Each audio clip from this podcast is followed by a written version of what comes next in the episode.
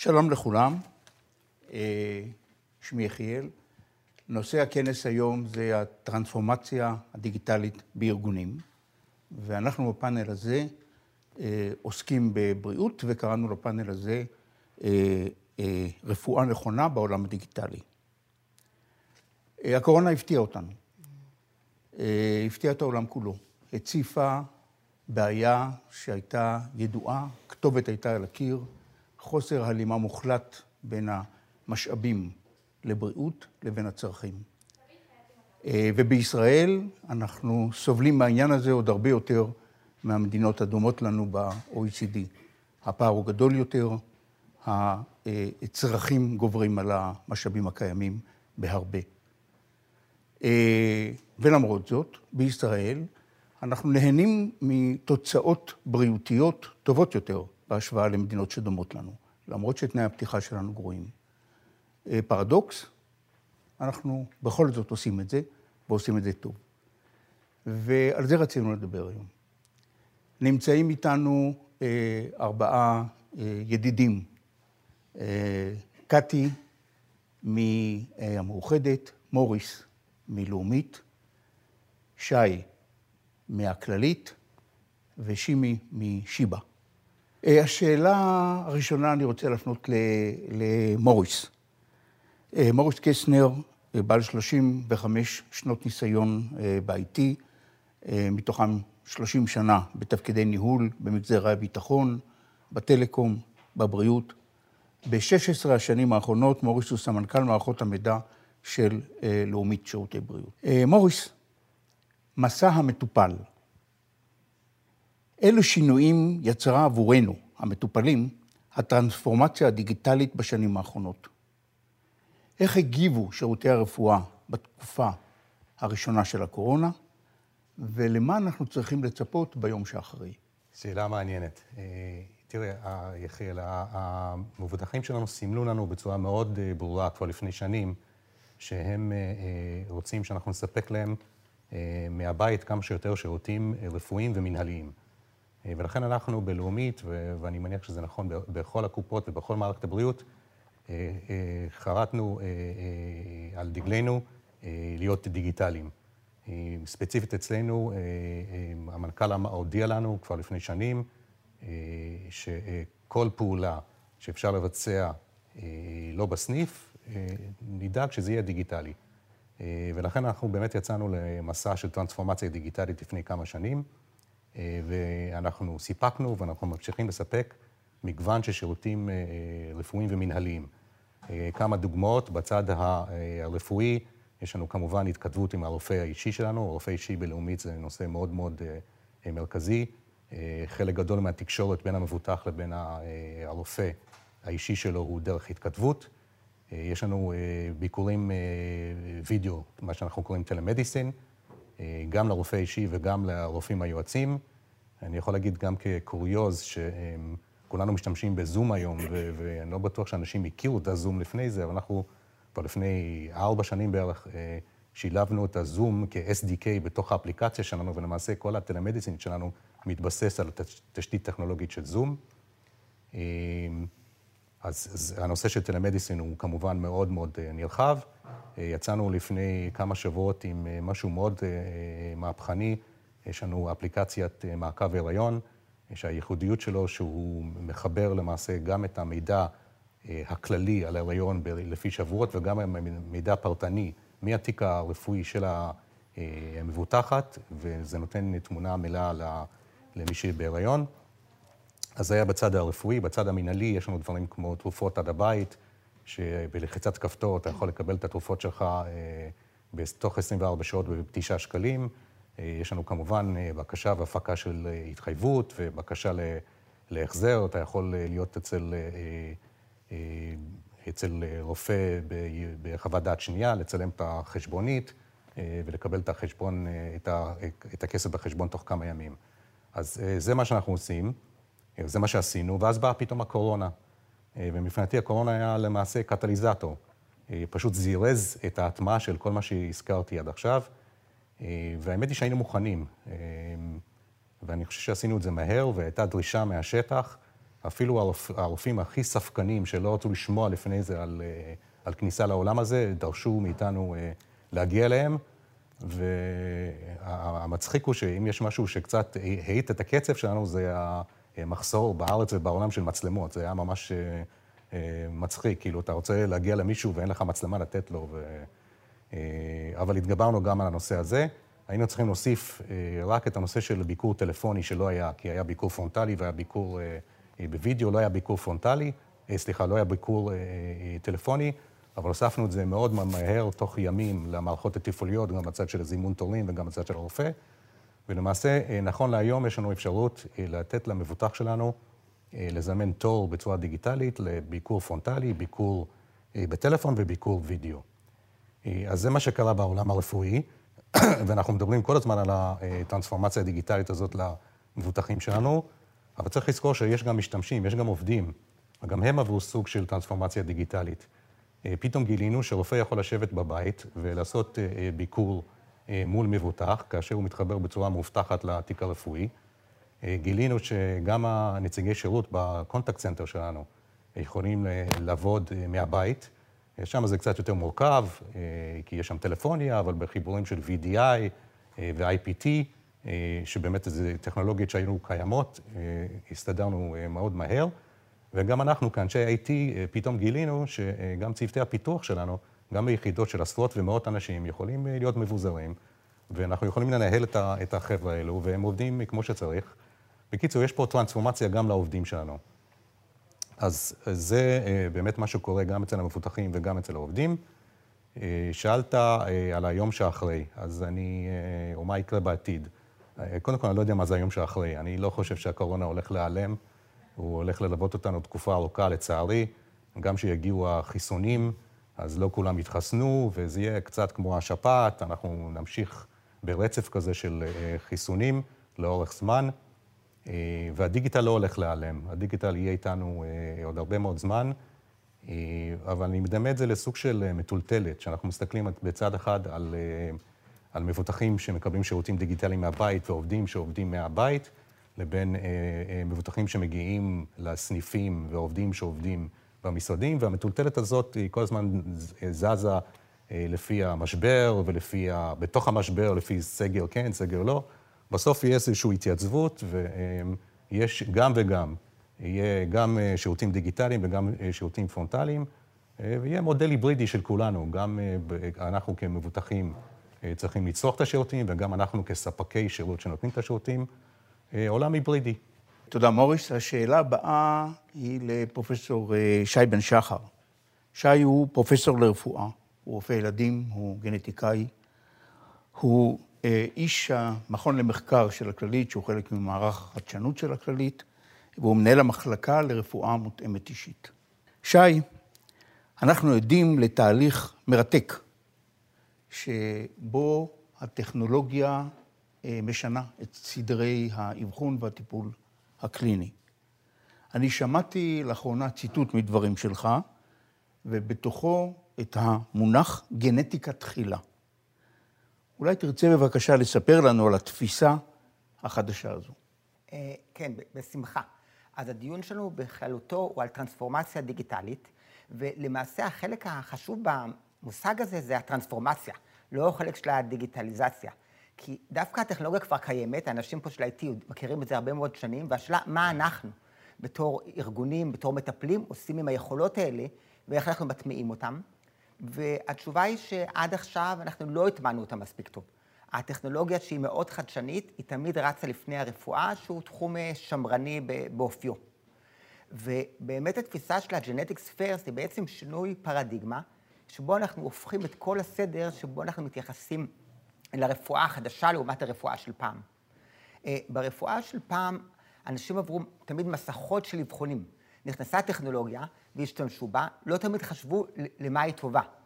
ולמעשה לא תמיד כיוונו למטרה הסופית, והמטרה הסופית היא ברורה, היא לתת טיפול יותר טוב, ובמקרה של מחלות גנטיות, גם למנוע הישנות, חזרה, של אותם מקרים במשפחה. וכשאתה מנסה לחשוב מה המטרה שלך ומה קרה עם הטכנולוגיה, פתאום אתה צריך לעבוד אחרת מאיך שעבדת פעם. כי בואו נדמיין סיטואציה של פעם, ילד שמגיע למכון להתפתחות, כמו הרבה מאוד ילדים, כי יש לו איזושהי בעיה התפתחותית, פגיעה אינטלקטואלית, הפרעה מהטווח האוטיסטי, או, או כל בעיה אחרת. פעם ראה אותו רופא, עשה אבחון מאוד מאוד ארוך, והתחיל לשלוח אותו לבדיקות. אתה עושה בדיקת MRI, ואתה עושה בדיקת EEG, ואתה עושה בדיקה מטבולית שכרוכה בבדיקת דם, ואתה מתקדם שלב אחרי שלב. אבל כשאתה חושב מה יש בשלבים האלה, אין בהם הרבה. אז עשית MRI והוא תקין, זה לא קידם אותך. הוא לא תקין, זה לא שכיח שהוא לא תקין, וגם אז זה לא מקדם אותך. מצאת משהו, מה זה אומר? שצריכים לעבור לעוד בדיקה.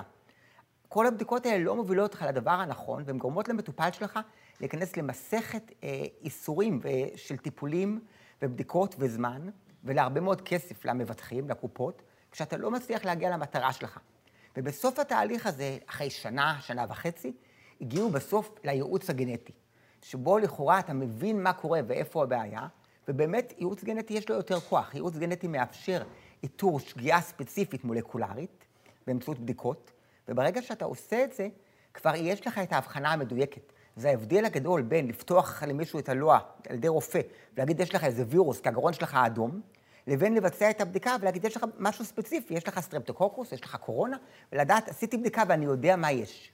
וזה מה שנותן לגנטיקה, הוא מדייק את האבחון, ופעם הוא הגיע בסוף, הוא היה מאוד מאוד יקר.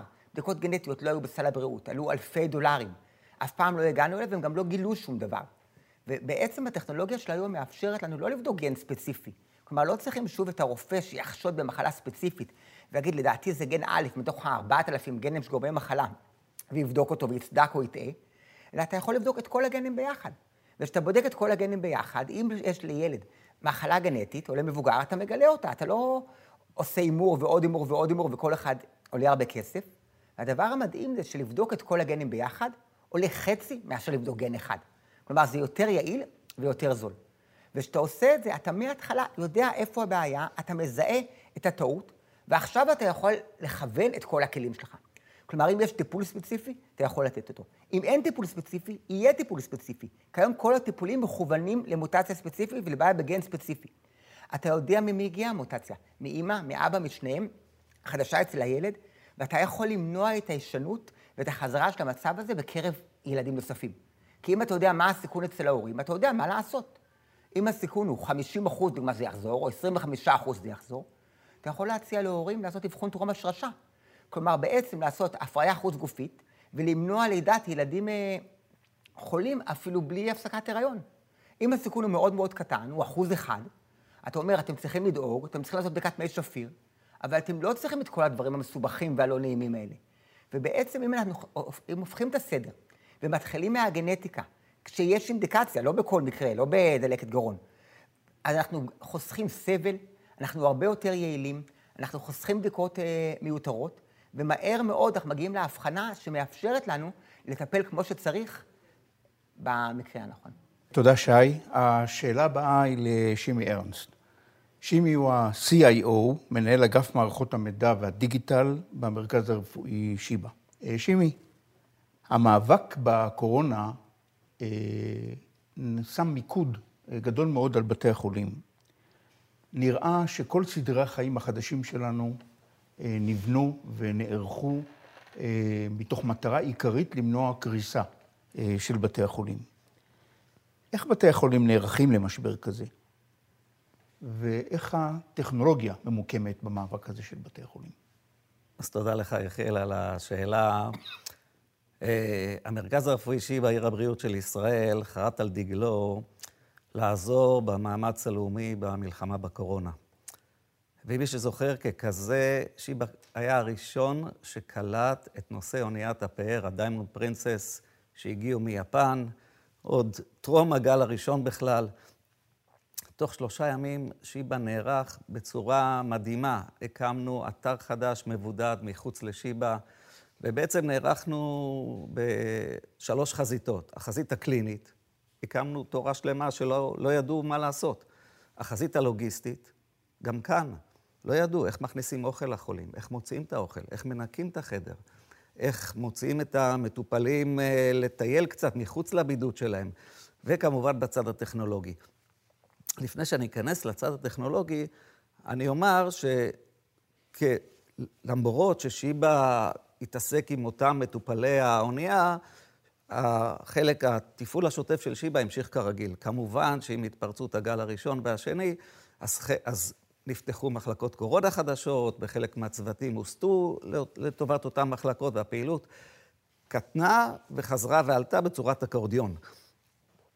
עכשיו אני אתייחס רגע לצד הטכנולוגי, שגם בו היינו חלוצים אה, לפני כולם. בעצם הצד הטכנולוגי, הייתי מחלק אותו לשלושה חלקים. החלק הראשון זה הצד של הניטור הרפואי. כאן אנחנו מוצאים, הייתי אומר שזה ה self service, זאת אומרת שהמטופל בודק את עצמו כדי שהצוות הרפואי ייכנס כמה שפחות וייחשף כמה שפחות אה, למחלה. כאן הייתי מדבר על מספר טכנולוגיות שהכנסנו ממש בימים הראשונים של הלחימה בקורונה, נקרא לזה כך. הדבר הראשון זה ניטור של חברת EarlySense. שמנו מתחת לכל מזרון של מטופל סנסור של ארליסנס, והסנסור הזה משדר בעצם נשימות, תנועתיות, דופק של המטופל. המטופל לא צריך לעשות כלום, הוא בסך הכל שוכב על המיטה, והכל משודר לרופא שנמצא באזור הנקי, והרופא כבר יודע מה לעשות הלאה. דבר נוסף שהכנסנו, נתנו ערכה לכל מטופל, ערכה לבדיקה עצמית של, של חברת טייטו. בערכה הזאת יש בדיקה של חום, ובדיקה של גרון ולוע ואוזניים, והכל נעשה על ידי המטופל באופן עצמאי, וכל הנתונים, הנתונים משודרים שוב לרופא שנמצא באזור הנקי, והוא יודע איך לטפל.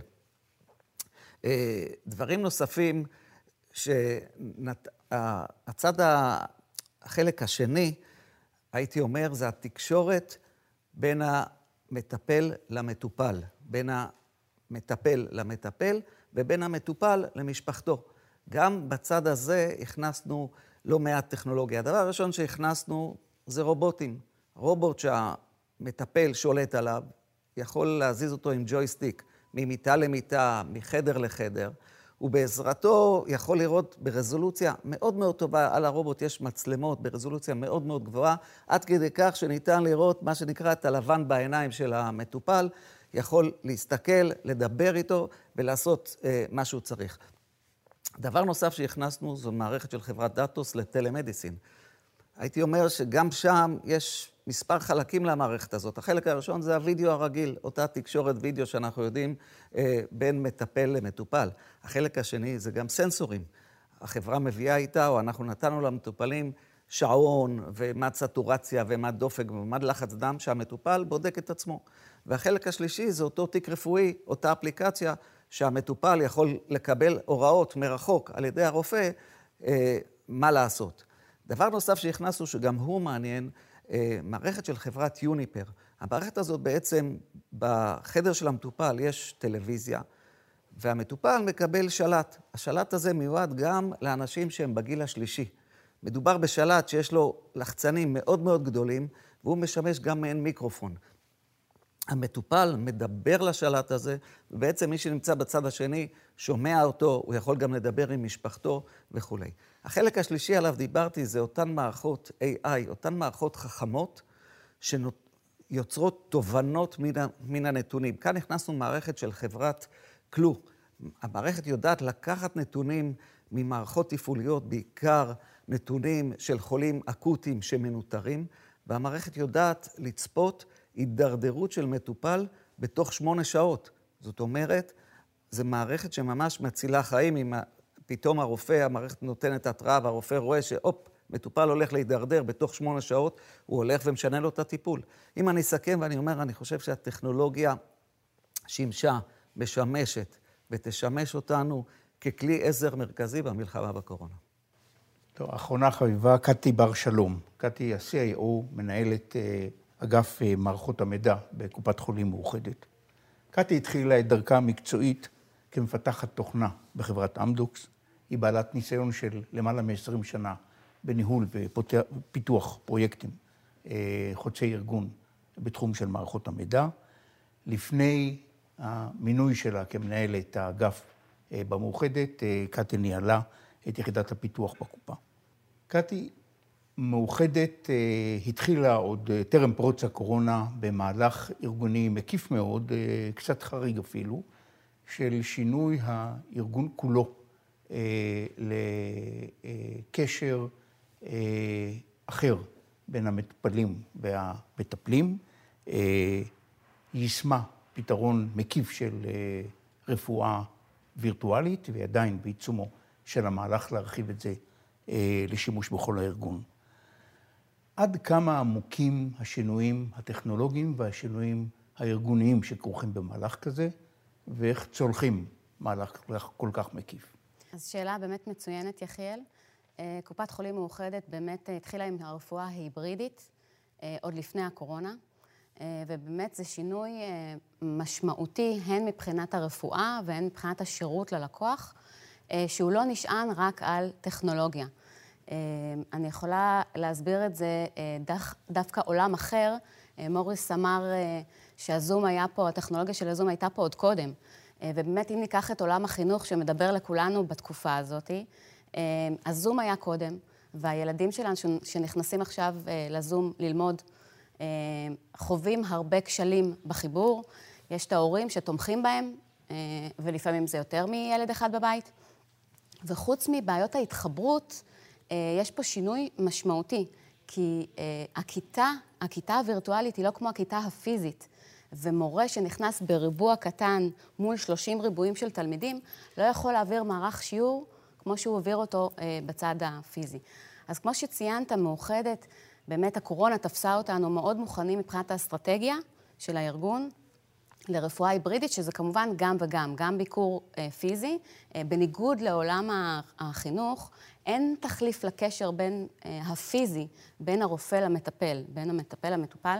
אה, אבל דווקא בעידן כזה של קורונה, שיש בידוד ויש משמעות לריחוק החברתי, אז הטכנולוגיה כאן היא באמת פורצת דרך אה, ולוקחת אותנו קדימה. אני רוצה להמחיש את המודל שאנחנו עשינו במאוחדת דרך אה, שירות שהקמנו אותו חודשיים מהרגע שהחלטנו להיות זמינים 24 על 7, המיון ההיברידי, ובעצם להסביר שהשינוי העמוק הוא התחיל, כמו שחבריי אמרו כאן, במסע של המטופל.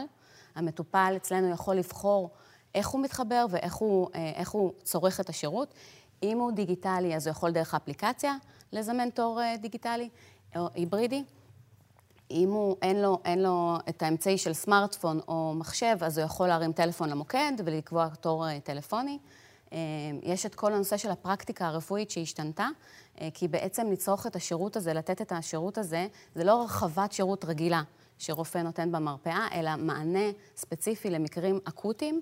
אני זוכרת שכשליווינו רק את ההתחלה של השירות הזה בערב, הייתה איזו אימא שעלתה לביקור דיגיטלי, מאוד מאוד לחוצה, עם הילד שלה עם קוצר נשימה. אה, הוא נרדם בספה והיא הייתה ממש, ממש רצתה להבין האם היא יוצאת עכשיו למיון או לא יוצאת למיון. ובעידן של הקורונה זו החלטה קרדינלית.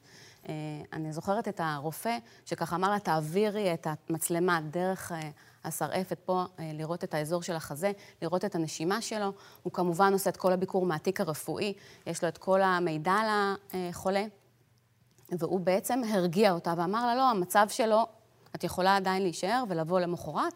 הוא כמובן רשם לתרופות דרך התיק הרפואי, אה, בביקור הדיגיטלי ובטכנולוגיה שעשינו, אז כמובן התרופות הגיעו לה עד הבית, אה, והיא לא הייתה צריכה לצאת. אה, אז זה בעצם שינוי משמעותי גם בפרקטיקה הרפואית, כי הרופא צריך לדעת מה מתאים מתי. כמובן שגם במיון ההיברידי יש תמיד, תמיד, תמיד את היכולת להחליט שכן המבוטח יוצא למוקד רפואי או למיון. פן נוסף שאנחנו ככה מטפלים בו זה גם, כמו שמוריס אמר, כל הצד של המטפל. מה הרופא רואה, מה הדיאטנית רואה, מה הפסיכיאטר רואה ברגע שהוא נותן את השירות דיגיטלי, איך הזימון תורים שלו נמצא, מה הוא משקף, איזה IoTs הוא יכול לחבר, כמו טייטו, כמו ביוביט, אה, עוד דברים שאנחנו אה, מחברים. אה, ועל הנדבך הזה יש כמובן את כל המודלים הכלכליים. יש את כל השינוי שצריך לעשות מול הספקים, החוזים מול הרופאים, כל האפשרות של תשלום למבוטח. בעצם אז השינוי הוא באמת עמוק מבחינה טכנולוגית. אנחנו עשינו המון, הכנסנו RPA ו-OCR, ולקחנו את כל השירותים המינהליים באמת, ונתנו אותם כדי שאפשר יהיה לעשות אותה מרחוק. כמובן שהכל הוא גם וגם, הכל היברידי, בהתאם לתקופה, בהתאם למבוטח. מאוד חשוב שהמבוטח ירגיש בנוח עם הטיפול, ויבחר את הערוץ שמתאים לו. אנחנו בקופת חולים מאוחדת נותנים שירות גם למגזרים, למגזרים שהם פחות דיגיטליים, אה, ואנחנו מקפידים לתת להם את אותו שירות. באותם אמצעים, אם זה IVR, אה, אם זה אמצעים אחרים, אבל השינוי הוא עמוק, כי הש... המחשבה וההטמעה גם בארגון וגם למטופל, היא צריכה להיות הוליסטית, והיא חייבת, והיא נעשתה מהר בעידן של הקורונה, בצורה אג'ילית בכל, ה... בכל הארגון ובכל החטיבות. תודה רבה, גברתי. אנחנו נעבור עכשיו ברשותכם לשאלה שהיא שאלה למענה קצר יותר, והיא אחידה בין כולכם. אני רוצה להפעיל את הדמיון, לחשוב, נאמר, עשר שנים קדימה, ואבקש אתכם להעלות רעיונות, משהו מדמיונכם, איזה, אילו אלמנטים מהפכניים אנחנו יכולים לצפות בעולם הבריאות מהיום בעוד עשר שנים, בשנת 2030 נאמר. נעשה את זה לפי הסדר. שימי, בבקשה.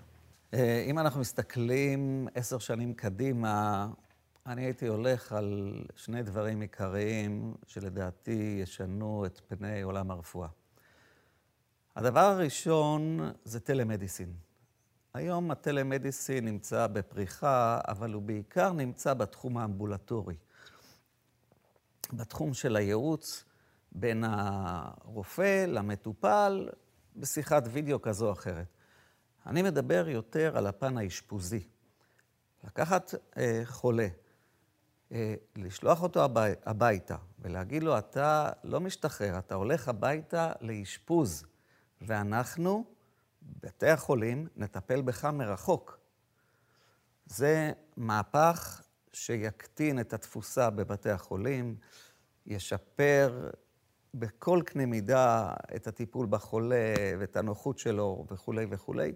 שיבא התחיל לעשות את זה במחלקות הפסיכיאטריה. אנחנו היום משחררים לאשפוז, משחררים במרכאות, לאשפוז בבית חולים פסיכיאטרים ומטפלים בהם מרחוק. אין לנו הרבה זמן, אני לא ארחיב.